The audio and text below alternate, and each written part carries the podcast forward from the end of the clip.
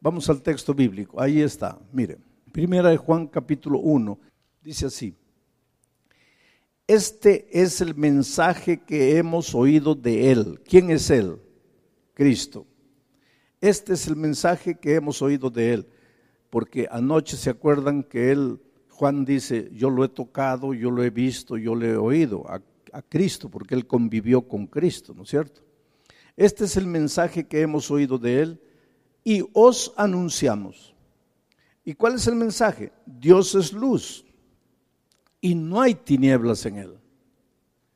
Si decimos que tenemos comunión con Él, con Cristo, porque hay mucha gente que dice, yo estoy bien con Cristo, yo ya le he entregado mi vida a Cristo, yo soy un cristiano. Entonces viene Juan y dice, si decimos que tenemos comunión con Él, pero andamos en tinieblas, pues mentimos, no practicamos la verdad. Pero si andamos en la luz como Él, Jesús está en la luz, ¿cuál es la prueba de que estamos en la luz? Tenemos comunión unos con otros. Y la sangre de Jesucristo, su Hijo, nos limpia de todo pecado. Este es el texto. Ahora vamos a entender frase por frase, palabra por palabra, lo que está queriendo decirte Dios esta noche. Porque hay una cosa maravillosa. La Biblia es verdad, fue escrita en tiempos antiguos, miles de años atrás. El otro día yo estaba viajando con un periodista en Brasil, en el avión, se sentó a mi lado, un periodista famoso, y cuando lo vi, yo lo conocía, yo, yo sé quién es, yo lo veo en la televisión todos los días, un comentarista, un hombre pensador, escribe en los más grandes periódicos, revistas del país. Y me sentí de cierta manera emocionado, porque dije, mientras voy de San Pablo a Brasilia, voy a tener la oportunidad de conversar con él. Y efectivamente comenzamos a conversar, y él se enteró que yo era pastor, porque yo le dije que era pastor. Y él me dice, pastor, ya que, ya que estoy aquí con un pastor, le voy a hacer una pregunta que siempre me ha intrigado. Ustedes creen en la Biblia, ¿no es cierto? Porque él es ateo, es un periodista ateo y no niega que es ateo. Él declara en sus escritos todo que es ateo, no cree en Dios. Entonces él me dice, ¿ustedes creen en la Biblia, no? Le digo, sí. Ahora me dice, respóndame esta pregunta. ¿Cómo es que ustedes creen que un libro que fue escrito siglos atrás, porque cuando la Biblia fue escrita, no había internet, no había celular, no había la tecnología de hoy, no había automóviles, no había aviones, ni siquiera había barcos. Cuando la Biblia fue escrita, el, hombre vivía en el desierto. Entonces, ¿cómo un libro escrito tantos años atrás en ese tiempo nadie usaba pantalón, nadie usaba ah, traje, todo el mundo usaba túnica, nadie usaba zapatos, usaban unas sandalias. La Biblia fue escrita en ese tiempo. ¿Cómo un libro tan antiguo puede servir hoy? Si el mundo ha cambiado, la cultura ha cambiado. yo le digo, pues es fácil. El otro día yo le escuché a usted, le dije, comentar un asesinato terrible, porque por causa de la herencia de un padre millonario, dos hombres pelearon y uno mató a su hermano. Y yo lo escuché a este periodista comentando la noticia y diciendo que es salvaje. Por el vil metal, por el dinero, mata a su hermano. Y ahora yo le aproveché para decirle, ¿se acuerda que usted comentó la noticia de que un hermano mató a su hermano? Me dijo, sí. En la Biblia se cuenta que un hermano mató a su hermano. Y hoy un hermano mata a su hermano. ¿Cuál es la diferencia del hombre de allá con el hombre de aquí? Allá había soledad, tristeza, desesperación. Hoy día hay soledad, tristeza, desesperación. ¿Por qué la Biblia vale a pesar de haber sido escrita muchos años atrás? Porque el ser humano no ha cambiado. Habían problemas familiares allá, hoy también hay problemas familiares. Los hijos se rebelaban contra los padres allá, hoy también lo hacen. Los hombres se traicionaban en ese tiempo, hoy también se traicionan. Había injusticia de los gobernantes contra el pueblo en ese tiempo, hoy también lo hay. Pues entonces, el ser humano no cambió, el corazón humano no cambió. Y el mensaje de la Biblia vale hoy, porque el ser humano no cambió. Y este periodista, que es un pensador, me dice, pastor, tiene lógica. Tiene lógica. Voy a leer una Biblia por cultura, para ver. Le dije, mira, hace bien. Solo que el vuelo dura una hora y poquito, ya llegamos a Brasil y me despedí de él. Pero querido, la Biblia es la palabra de Dios. Y lo bonito de la palabra de Dios es que todo lo que él escribió, Dios escribió a través de los hombres que escogió en ese tiempo, vale para ti hoy. Por eso cuando tú lees la Biblia, no la puedes leer como un libro de historia pasada. Tú tienes que leer la Biblia y tratar de sacar qué es lo que Dios me está diciendo aquí, a mí. Porque cada uno de ustedes es un mundo diferente. De repente uno de ustedes tiene un ser querido en el hospital. A ver, en este momento, ¿cuántos de ustedes tienen un ser querido en el hospital? Levanten la mano. Tiene que haber, ¿está viendo? Ahí está, tiene que haber. Pero yo no tengo un ser querido en el hospital en este momento.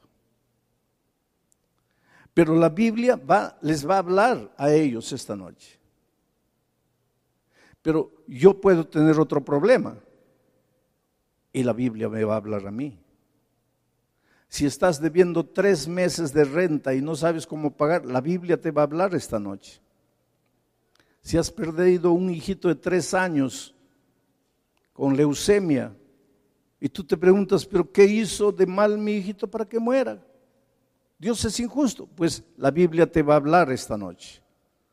Si tienes problemas, no puedes dormir en la noche, estás atormentado, te revuelcas en la cama, la Biblia te va a hablar. Lo bonito es que la Biblia responde todas las inquietudes del ser humano. Por eso, bienvenido al estudio de la Biblia. Ahora vamos a analizar el texto para ver lo que Dios nos está diciendo. Juan dice así, este es el mensaje que hemos oído de él. O sea, él va a predicar, porque ya les dije que la epístola de Juan es un sermón. Este es el mensaje que hemos oído de él. Yo he aprendido de Juan. Por eso cuando yo entro aquí, yo no digo como Juan, este es el mensaje que he recibido de Dios. No. Pero abro la Biblia. Y al abrir la Biblia y leer el texto bíblico y empezar a predicar del texto bíblico, en otras palabras, sin palabras, pero con la actitud que les estoy diciendo. Esta noche yo no voy a hablar lo que yo quiero. Este es el mensaje que he recibido de él. Y este es un mensaje para todos los predicadores. ¿Cuántos de ustedes, los hermanos que están aquí, predican de vez en cuando? Levante la mano. Oh, qué bueno. ¿Y cuál es el consejo, el desafío de Dios? Tú no puedes predicar lo que tú quieres predicar. Tú tienes que predicar lo que la palabra de Dios dice. Tú tienes el deber de abrir el texto y estudiar el texto y meditar y orar y pedir que Dios te ilumine para entender el mensaje del texto. Por eso Juan dice, este es el mensaje que hemos oído de él. O sea, lo que él va a hablar ahora tiene autoridad, tiene peso, tiene sentido, tiene significado. ¿Por qué? Porque lo que va a hablar él no nace en él, hombre, sino que es un mensaje que viene de Dios. Muchas personas me preguntan, pues, pastor, cuando usted predica, ¿por qué hay tanta gente oyendo? Justamente por eso, porque no hablo yo lo que yo quiero. Yo cuando enseño la teología de la predicación a los pastores, Ahora la próxima semana voy a estar en Washington dando clases para pastores. Yo les digo que nosotros los predicadores somos esclavos de la palabra. O sea, nosotros estamos al servicio de la palabra. Nosotros los predicadores no podemos tomar un versículo y hacerle decir al versículo lo que nosotros queremos, sino que tenemos la misión, el deber de entender el versículo para predicar no lo que yo quiero predicar apoyado por el versículo, sino para predicar lo que el versículo dice, aunque yo tenga que despojarme de mis ideas, porque Dios es soberano. Pero hay otro pensamiento. Miren cómo cada frase tiene una idea. Este es el mensaje que hemos oído de él. Y os anunciamos. Esta noche tú vas a recibir el mensaje de él, del Señor Jesucristo. Este es el mensaje que vas a recibir de Dios. Pero si el mensaje de Dios te llega y muere en ti, no te va a ayudar de nada. Por eso Juan dice, este es el mensaje que hemos recibido de Él y que os anunciamos. Porque la palabra de Dios solo te va a ayudar cuando tú la recibes y la pasas. Pero si tú la recibes y te la guardas, la palabra de Dios no te ayuda de nada. Hay gente que dice, pastor, yo leo la Biblia, leo la Biblia, pero no me ayuda de nada, nada cambia en mi vida. Yo le pregunto, ¿cuántas veces has compartido la palabra que ha llegado a ti? A ver, muéstrame dónde está la persona que tú le estás enseñando la palabra de Dios. Ah, no, pastor, no tengo a nadie. Entonces ahora entiendo por qué la palabra de Dios no hace nada en tu vida. Porque si la palabra de Dios llega a ti y tú te la guardas, no te hace ningún bien. La palabra de Dios solo te hace bien cuando la recibes, inmediatamente vas y la compartes. Porque esto funciona así, como un lago. Si el agua entra y el agua sale, el agua del lago siempre va a estar limpia. Pero si el agua entra y no sale, en poco tiempo el agua del lago se va a volver agua contaminada. Por eso la palabra de Dios solo te va a ayudar. Y la palabra de Dios puede hacer maravillas y milagros en tu vida. Pero para eso tiene que entrar y tiene que salir. Tienes que recibirla y tienes que compartir. ¿Quieres que la palabra de Dios haga maravillas en tu vida esta semana? Mira, yo te digo una cosa, yo no soy profeta ni hijo de profeta, pero te digo con toda la seguridad y la convicción que Cristo me da en su palabra. Esta semana Dios puede hacer milagros en tu vida pero tienes que compartir lo que estás recibiendo. Pero si tú escuchas y te lo guardas para ti, no te va a hacer ningún bien, bien porque el agua de la vida que te llega se va a estancar en tu corazón. Entonces mañana, si tú quieres que esta semana Dios haga sus maravillas en ti, mañana tienes que buscar a otra persona, a un amigo, a un vecino, a un compañero de trabajo, a un familiar, por teléfono, personalmente, y tienes que contarle mira, anoche aprendí esto y me hizo mucho bien. Y cuando tú estás transmitiendo, ¿qué pasa? Cuando tú transmites, estás en condiciones de que Dios te dé más. Pero si Dios te da y no transmites, ¿para qué te va a dar más? Se está estancando todo en ti. Ahora te voy a contar una historia. Cuando yo era un joven pastor, había una hermana en la iglesia que me visitaba todos los días. Y a veces llegaba a las seis de la mañana, me tocaba la puerta. Pero ella, no entendía que yo hacía conferencias. En ese tiempo no tenía carro, era un joven pastor. Las conferencias terminaban a las 10 de la noche. Yo tenía que tomar dos ómnibus para llegar a mi casa. Cuando llegaba a la casa ya era medianoche. Pues podría dormir hasta las 7, 8 para levantarme pero ella a las seis ya me estaba tocando la puerta. Y me decía así, ya que el pastor no visita a las ovejas, la oveja va a visitar al pastor. Y me tocaba la puerta y quería que orase. Tú sabes que hay hermanos así, ¿no? Solo quieren que se les visite, que se les visite, que se les visite. ¿Y sabes por qué eso? Porque reciben la palabra, pero no la transmiten. El miembro, el cristiano que recibe la palabra y no la transmite, se vuelve amargo, se vuelve criticón, se vuelve duro, como esta hermana. Esta hermana, pastor, y siempre le doy algo, me duele la cabeza, me duele aquí, he, he, venido para que ore por mí, hoy tengo esto, pastor, que no puedo dormir, ore por mí. Todos los días me visitaba para orar con ella. Un día me encontró cuando yo estaba saliendo, porque ese día yo tenía varias actividades. Tenía que visitar a una persona que estaba en el hospital. En el hospital, porque la esposa era de la iglesia, pero él era ateo. Pero ahora se estaba muriendo y quería una visita. Y la esposa me dijo, pastor, en cualquier momento se muere y yo quiero que usted lo visite y hable con él antes de que se muera. Y yo estaba pero tenía otra persona para visitar, que había perdido un ser querido y necesitaba que alguien orase con él. Entonces yo salí para el hospital, aparece la hermana.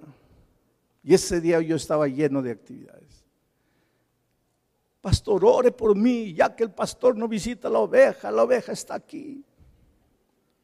Le digo, mira hermanita, discúlpame, hoy día no te voy a atender porque tú estás bien. No, pastor, no estoy bien, no he podido dormir, me he revolcado en la cama toda la noche. Pero yo tengo dos visitas importantísimas. Uno que se está muriendo, tengo que correr, no tengo tiempo para usted ahorita. Pero pastor, ¿cómo me va a negar una oración? Porque ella no quería una oracioncita de 30, de 30 segundos, ella quería una oración de 10, 15 minutos por ella. Si, yo oraba cortito, ya me reclamaba. Entonces le digo, mire hermano, vamos a hacer una cosa. Mientras yo me voy al hospital, que es urgente, que se puede morir el hombre, usted va a visitar a este otro hermano, a esta hermana que ha perdido un ser querido y está triste ahí, y vaya. Ayúdeme. Cuando usted termina, vuelve. Y yo para eso ya habré vuelto del, del hospital. Ahí yo hago la oración. Pero ahorita no puedo. Entonces agarró el papel, el nombre, la dirección y se fue. Y yo me fui. Y volví como a las 10 de la mañana. Ella no estaba. Estuve haciendo algunas cosas en casa, ella, no llegó. En la tarde salí a hacer visitación a los hermanos, ella no llegó. No apareció más. Al día siguiente no apareció. Y yo pensé, se ha resentido. Se ha resentido, ahora ya no me quiere ver. El miércoles me fui al culto de oración, porque todo miércoles hay culto de oración. Y la encuentro ahí. Y pues voy directo donde ella. Le digo, mira hermana, yo la esperé. Yo le dije que usted fuera a visitar, yo la esperé, pero usted no llegó. Y me dice, pastor, no volví. Porque cuando vi el sufrimiento y el dolor de aquella familia me dio tanta tristeza. Yo pasé dos horas con la familia orando pidiendo a Dios que le bendiga. Después cuando fui a la casa me acosté y dormí todo el día. Y al día siguiente me desperté sin dolores. Y hoy día miércoles he venido a la iglesia a adorar a Dios. Ahora, pastor, ¿usted no tiene por si acaso más nombres de personas que yo pueda visitar? Se acabó el problema. Cuando recibía, recibía, recibía, me duele aquí, me duele aquí, me duele aquí, no puedo dormir. Cuando recibió y transmitió a otro, se acabaron los dolores. Porque la palabra de Dios es así. Algunos de nosotros nos gusta escuchar sermón, escucha sermón, escucha sermón, escucha. Nunca pasa el mensaje para nadie. Entonces esa palabra no te hace nada. Ahí tú dices, no, pues la Biblia no funciona. Pero ¿cómo va a funcionar? Para que funcione, tú tienes que pasar la palabra de Dios para otros. Ahora, si ustedes hacen esto, mañana aquí ya no debe haber lugar para todos. Porque si cada uno va a traer uno, imagínate. Pero es que eso te va ayudar a crecer en tu experiencia espiritual. Bueno, Juan dice así, este es el mensaje que yo recibí de Dios y para que funcione en mi vida, yo lo anuncio. Porque solo cuando anuncias el mensaje, el mensaje te ayuda a ti. ¿Y cuál es el mensaje que él va a anunciar? El mensaje que ha recibido de Dios. Dice, Dios es luz y no hay tinieblas en él. Dios es luz y no hay tinieblas con él. Esto es maravilloso. ¿Cómo te ayuda esto? Ah, pues te ayuda, porque de repente mañana lunes tú tienes que tomar una decisión y no sabes qué decisión tomar. De repente has recibido una propuesta de empleo, pero no sabes. Dejo esto y me voy para aquí o, o me quedo aquí y estás indeciso. De repente un joven te declaró su amor y tú no sabes, ¿acepto o no acepto?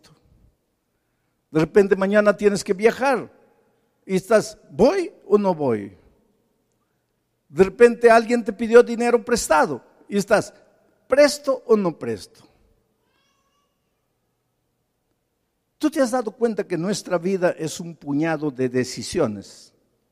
La vida es decidir. Decidimos cada instante. Te despertaste, primera decisión, ¿me levanto o no me levanto? Tienes que decidir. Decides levantarte, segunda decisión, ¿me baño o no me baño?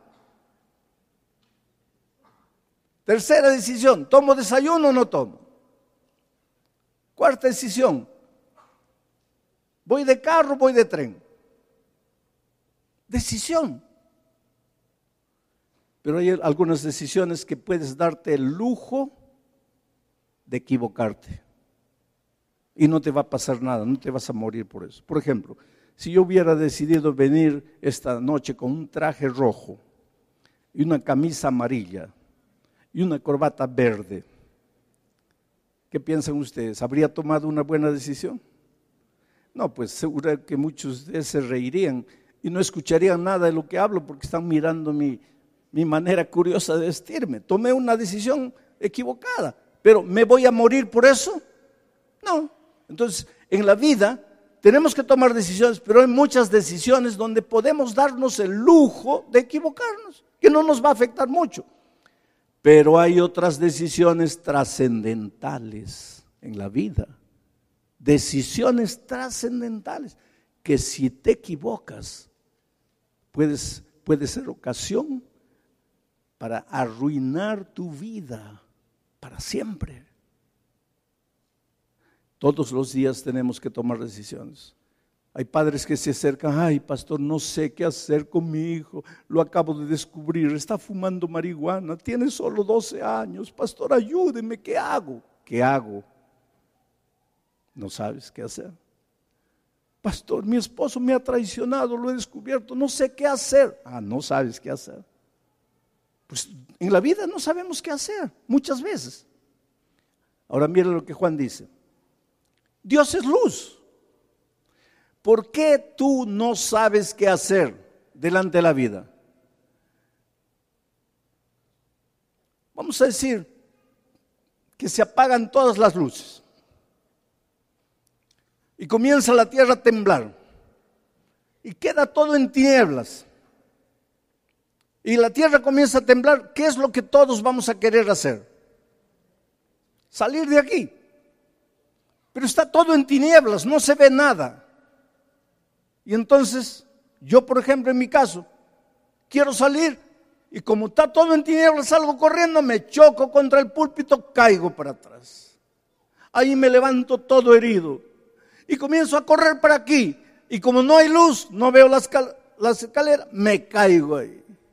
Ya me herí por aquí, ahora me hiero por la cabeza.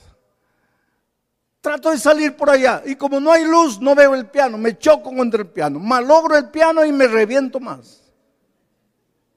Tú te das cuenta, cuando no hay luz, cuando estás envuelto de tinieblas, tú no ves. No sé qué hacer con mi hijo, no sé qué hacer con mi esposo, no sé qué hacer con la deuda, no sé qué hacer, no sé qué hacer, no sé. Claro, ¿cómo vas a saber si tu vida está envuelta por tinieblas. Pero ahora viene Juan y dice, Dios es luz. Entonces, si tú quieres que tu mente se ilumine para encontrar el camino, que tus ojos se abran para encontrar el camino, y no estás encontrando el camino, te estás chocando por aquí, te estás cayendo por aquí, estás cometiendo decisiones equivocadas porque estás rodeado de tinieblas y ahora tú quieres encontrarte, encontrar la luz, la salida. ¿Qué deberías hacer? A ver, dime. Ir a Dios, porque es luz. Y cuando le entregas la vida a Jesús, ¿qué pasa? Tu vida queda iluminada. Y ahí tú piensas, pero qué tonto, cómo estaba queriendo caminar por pues, el púlpito. Y cómo estaba queriendo salir por aquí si hay escalera. Y cómo estaba yendo si hay piano. Pero qué tonto fui. Tú sabes que yo he encontrado personas que no sabían, sabían qué hacer con la vida. Lloraban. Cuando tú no sabes tomar decisiones, tú te hieres a ti mismo. Pero ojalá que solo te hirieras a ti mismo. Lo peor es que hieres a personas inocentes que están a tu lado. Llámese padre, madre, esposa, esposa, hijo. Tus decisiones equivocadas no solo te destruyen a ti, no solo te hacen sufrir a ti, sino que hacen sufrir a personas que no tienen culpa de nada. Pero a esas personas un día yo las vi entrar a un salón como este, a un templo, escuchar la palabra de Dios y levantarse, ir adelante y decir, Señor, te entrego mi vida. Y en ese momento sus ojos se abrieron, porque ahora le entregaron la vida al, al Señor Jesús, que es luz. Y sus ojos se abrieron, se prendieron las luces. Y ahí él dice, pero ¿cómo yo he estado haciendo sufrir a mi esposa yéndome con otra mujer? ¿Cómo he estado gastando dinero en juego cuando mis hijos necesitaban estudiar? ¿Cómo yo estaba destruyendo mi cuerpo con cigarro? ¿Cómo yo estaba haciendo esto? ¿Cómo Se dan cuenta porque están en la luz. El que está en tinieblas no se da cuenta. Vive como si todo estuviera bien, pero se hace sufrir, se hace sufrir y hace sufrir al que está al lado. Pero cuando la luz llega a tu vida, tus ojos se abren. Entonces, querido, yo te pregunto, ¿estás indeciso? ¿No sabes qué decisión tomar con relación a alguna cosa? Y vas donde un hombre y le dices, aconsejeme. Bueno, el hombre te va a aconsejar con la mejor buena voluntad, pero es ser humano es ser humano y se puede equivocar. ¿Y cuántas veces tú has seguido el consejo de seres humanos y te ha ido mal? ¿Cuántas veces has seguido el consejo de personas y te ha resultado peor? Pero cuando tú le entregas la vida a Jesús, Él abre tu entendimiento, Él ilumina tu vida. Y ahí, sí, tú mismo llegas a la conclusión, tengo que cambiar esto, tengo que dejar esto. No puedo seguir caminando por aquí porque estoy yendo a la muerte. No puedo hacer esto porque estoy destruyendo mi familia. No puedo hacer esto. Aprendes a tomar decisiones. Nadie te engaña porque ahora estás en la luz. Pero ¿qué cosa es la luz? Ahora miren lo que dice Juan. El mensaje que les doy es este. Dios es luz y no hay ninguna tiniebla en él. Ahora, si tú, tú dices que estás en comunión con Jesucristo y andas en tinieblas, estás mintiendo. No practicas la verdad. Es por eso que no basta estar en la iglesia adventista o en cualquier iglesia. Tienes que hacer más que estar en la iglesia. Tienes que estar en Cristo. Tienes que vivir una vida de comunión con Cristo. Porque muchos piensan que todo termina cuando entras a la iglesia. No. Si tú no vives cada día una vida de comunión con la luz, aunque estés en la iglesia vas a estar en tinieblas. Por eso, personas cristianas cometen errores terribles porque están en la iglesia, pero no están en la luz. ¿Qué es la luz? Hoy ahí viene David en el Salmo 119, 105 y dice, lámpara es a mis pies tu palabra y lumbrera a mi camino. Ah, querido, cuando tú aceptas a Jesucristo, aceptas su palabra. Y ahora tu vida no se va a dirigir porque, ah, yo creo que esto es bueno, yo siento que esto es bueno, yo pienso que esto, ya no así. Ahora tu, tu vida se va a dirigir, ¿qué es lo que Dios quiere para mí? ¿Qué es lo que Dios dice? ¿Cómo debo comer? ¿Cómo debo andar? ¿Cómo debo caminar? ¿Cómo debo trabajar? ¿Cómo debo relacionarme? ¿Cómo debo casarme? Ya no hago las cosas por mi sentimiento. Lo que ilumina mi camino para no tropezarme es la palabra de Dios. Por eso si tú aceptaste a Jesucristo o estás aceptando a Jesucristo esta semana, la primera cosa que tienes que hacer es comprar una Biblia y leer la Biblia. Y este es el manual de la felicidad. Tú quieres ser feliz, tienes que leer el manual de la felicidad. ¿Tú sabes lo que significa el manual de la felicidad? El manual. ¿Para qué sirve el manual? Cuando tú compras un celular, una máquina fotográfica, cualquier aparato eléctrico, viene en una cajita, ¿no es cierto? Cuando abres la caja, lo primero que encuentras ahí es qué cosa? Un librito que se llama Manual de Instrucciones. Ahora yo no sé qué es lo que haces, pero yo te voy a decir lo que yo hago. Abro la caja, agarro el librito y lo tiro agarro el aparato que compré y comienzo a manosear. Aprieta aquí, aprieta aquí, aprieta allá, aprieta. Y solo me acuerdo del librito cuando. Cuando ya malogré el, el aparato. No somos así. Ahora, tú no eres un aparato eléctrico. Tú eres ser humano, tú eres gente linda, maravillosa, tú tienes sentimientos, Dios te ama, tú eres especial para Dios. Y si para una plancha hay un manual de instrucciones, ¿cómo es que para tu vida no puede haber un manual de instrucciones? Y el manual de instrucciones está aquí. ¿Quieres encontrar un empleo y que ese empleo te dure por siempre? Aquí están las instrucciones. ¿Quieres tener buena salud? Aquí están las instrucciones. ¿Quieres dormir en paz en la noche, tranquilo, sin tener que tomar remedio, aquí están las instrucciones. ¿Quieres ser un vencedor? Aquí están las instrucciones. ¿Quieres tener una, una esposa, casarte, ser feliz? Aquí están las instrucciones. ¿Quieres educar a tus hijos para gloria de Dios y felicidad de la familia? Aquí están, aquí están las instrucciones para todo. ¿Quieres que el dinero te alcance, se multiplique en tus manos? Aquí están las instrucciones.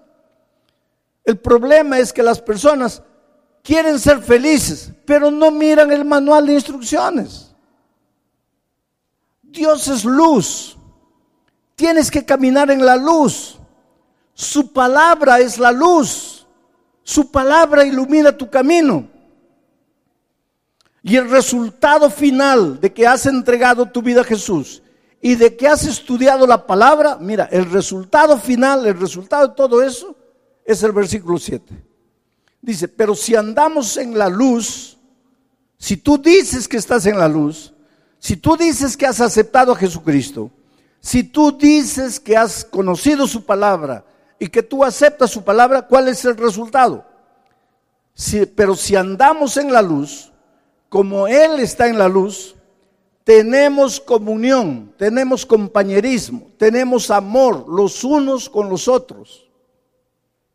O sea, la más grande prueba de que estás en la luz es que tienes que aprender a vivir en paz con tus hermanos. Primero en la familia, en paz con la esposa, en paz con los hijos, en paz con los, con los padres. Y después en el vecindario, en paz con los vecinos. En el trabajo, en paz con tus compañeros de trabajo, con tu jefe, con tus empleados. En la iglesia, en paz con los otros hermanos. Ahora, queridos, yo les hablo con todo mi cariño y amor. ¿Cómo puedes explicar una iglesia donde los hermanos pelean, donde los hermanos se gritan, donde los hermanos se acusan? ¿Dónde está Dios? ¿Dónde está la luz? ¿Dónde está la palabra? Juan dice, si andas en la luz, así como Cristo está en la luz, pues tienes que aprender a amar a las personas. Tienes que aprender a convivir con las personas. El otro día un hermano dice, pastor, pero yo no tengo la culpa, pues si el otro me acusa, yo respondo. Pero en Brasil hay una frase que dice así, si uno no quiere, dos no pelean. Porque para haber pelea, los dos tienen que querer. Está bien que uno puede comenzar, pero el otro acepta. Ahí viene la pelea. Pero si uno no quiere y solo este quiere pelear, pero este no quiere, ¿con quién va a pelear este? Pero el problema es que nosotros no. Él comenzó, yo la termino. Pero ¿y cuándo te encontraste con Jesucristo? ¿Estás caminando en la luz? No. Porque si estuvieras caminando en la luz, vivirías en armonía con tus hermanos, en armonía con el esposo, con la esposa, con los hijos. Todo estaría arreglado si vivieras en la luz y siguieras los consejos de la palabra. Ahora, ¿cómo puede haber una persona que está en la luz viene al púlpito para criticar, para condenar, para juzgar, para acusar? ¿Cómo puede estar en la luz? Porque si estás en la luz, las personas tienen que ver a Cristo en ti. Ellos tienen que ver a Cristo en tus ojos. Porque lo primero que Jesús hace en tu vida cuando le entregas la vida a Él es que cambia tu carácter. Jesús no dijo, aprended de mí que soy, ¿qué cosa? Manso y humilde de corazón. Si no has aprendido a ser manso, ¿cómo es que estás andando en la luz? ¿Cómo es que conoces la palabra? ¿Cómo es que piensas que estás defendiendo a Dios o estás defendiendo a su iglesia si no eres manso, si eres agresivo, si eres criticón? ¿Cómo?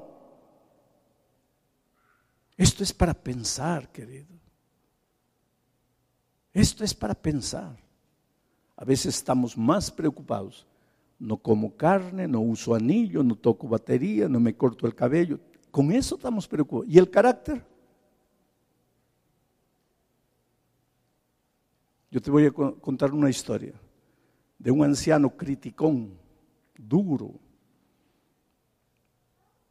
que evangelizó a una persona que vino a la iglesia, él lo tomó, lo instruyó y él se bautizó. Pero en las instrucciones le enseñó que el cristiano no toma café y él le dijo, el cristiano no toma café. Y el otro preguntó, pero ¿por qué? Si el café es tan rico. Y él le dijo, no, porque el café destruye los nervios. La persona que toma café se, se, vuelve nervioso. Y los hijos de Dios tienen que ser mansos. Y entonces el hombre que estaba convertido pues dice, está bien, entonces a partir de hoy ya no tomo café. Se bautizó. Un año después el anciano duro, criticón, lo visitó y lo encontró tomando café.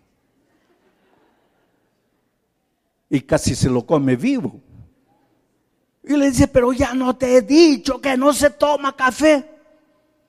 Y el otro lo mira y le dice, calma hermano, yo tomo café y tú te pones nervioso.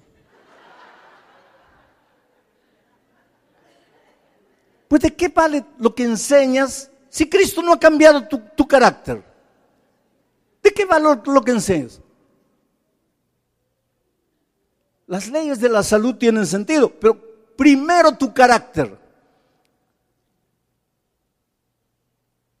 Y para eso tienes que entregarte a la luz y caminar en la luz.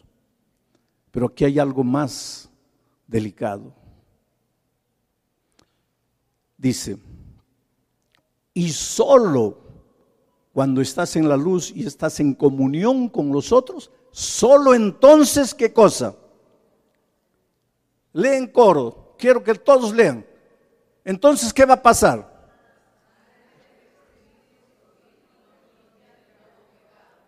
Pero si no sabes vivir en armonía con el hermano, ¿la sangre de Jesús te limpia todo pecado?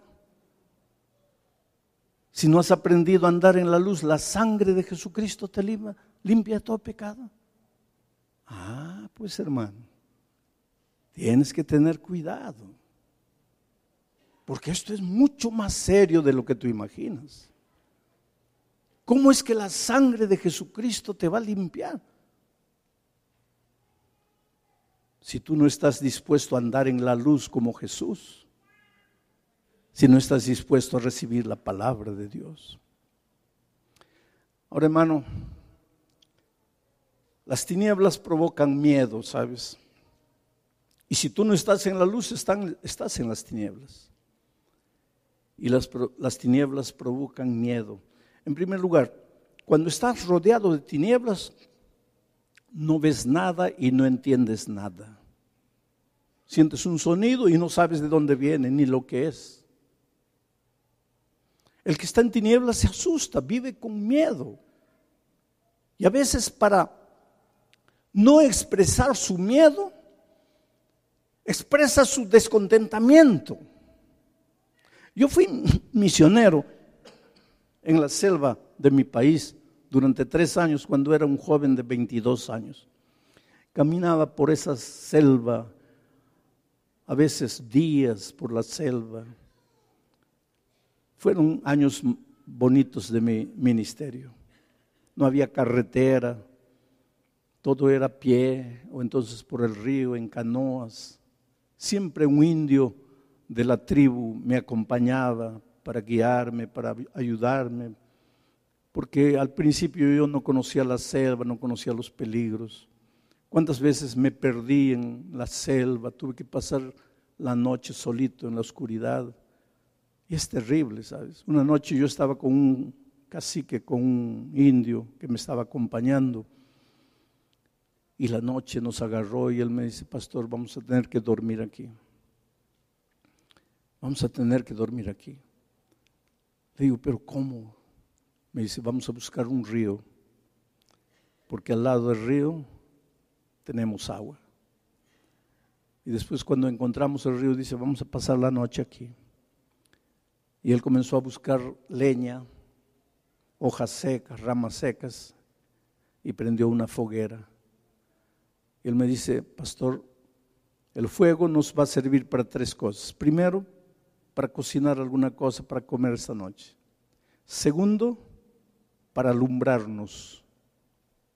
Y tercero, nos va a servir para espantar a las alimañas y a las fieras y nos va a proporcionar calor. Entonces vamos, encendimos el fuego y nos pusimos a dormir.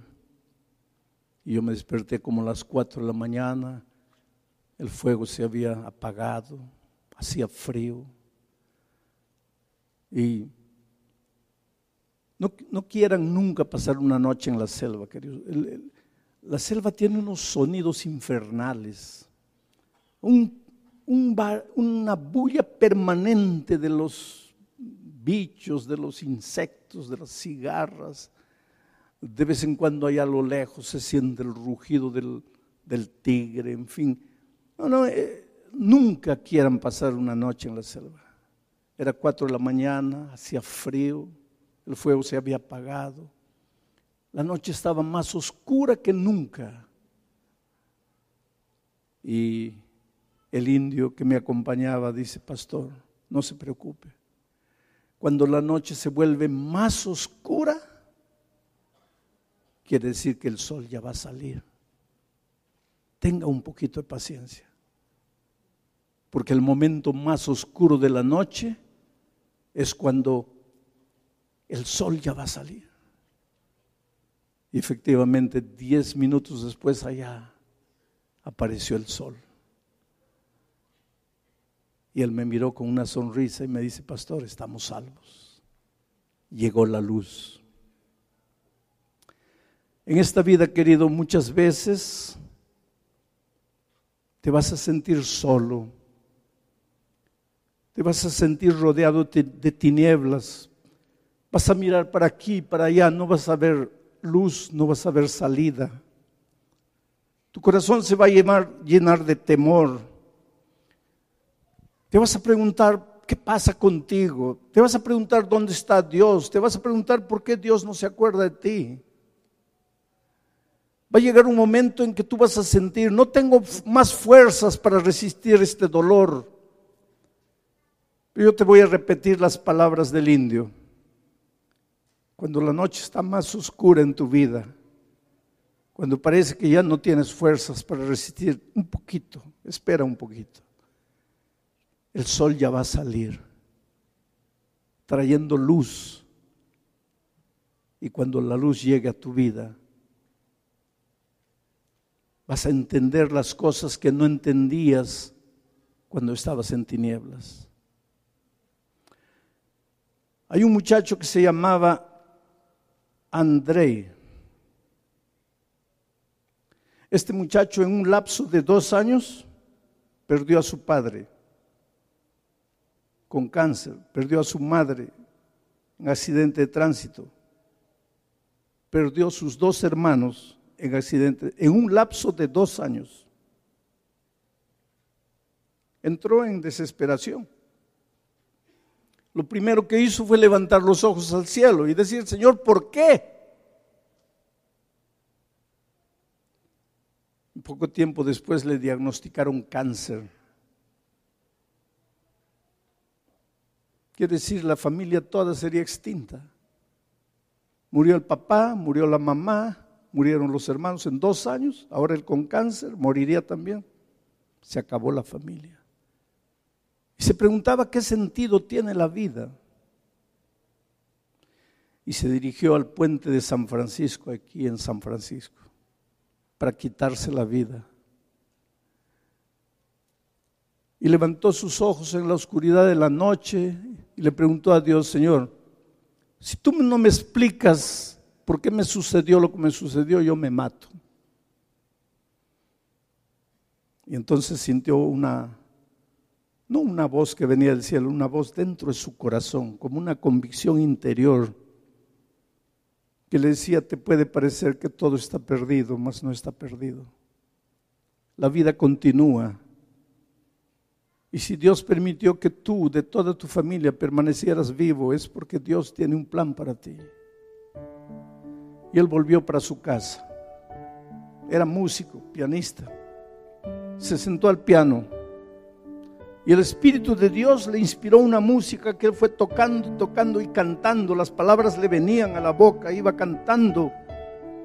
No tenía papel, nada. Él iba tocando el piano y cantando. Y tú sabes que esa música ha alentado el corazón de mucha gente en el mundo. Yo escuché por primera vez ese himno cantado de los labios de Del Delker. Los jóvenes ya no saben quién es Del Delker. Y la música dice, a través del dolor fui que entendí el gran amor del Redentor. Yo pensaba que todo estaba perdido. Yo pensaba que ya no había sentido para mi vida. Pero hoy entiendo que el dolor tenía un propósito. Pero si esta noche tú quieres decirle, Señor, yo te entrego mi vida. Tú eres la luz, yo quiero andar en la luz. Yo quiero caminar contigo. Yo quiero que cambies mi carácter. Oh Señor, ilumina mi camino. Yo quiero estudiar tu palabra. Si quieres decirle eso a Jesús, yo te voy a pedir que te levantes y vengas aquí adelante, aunque seas una sola persona.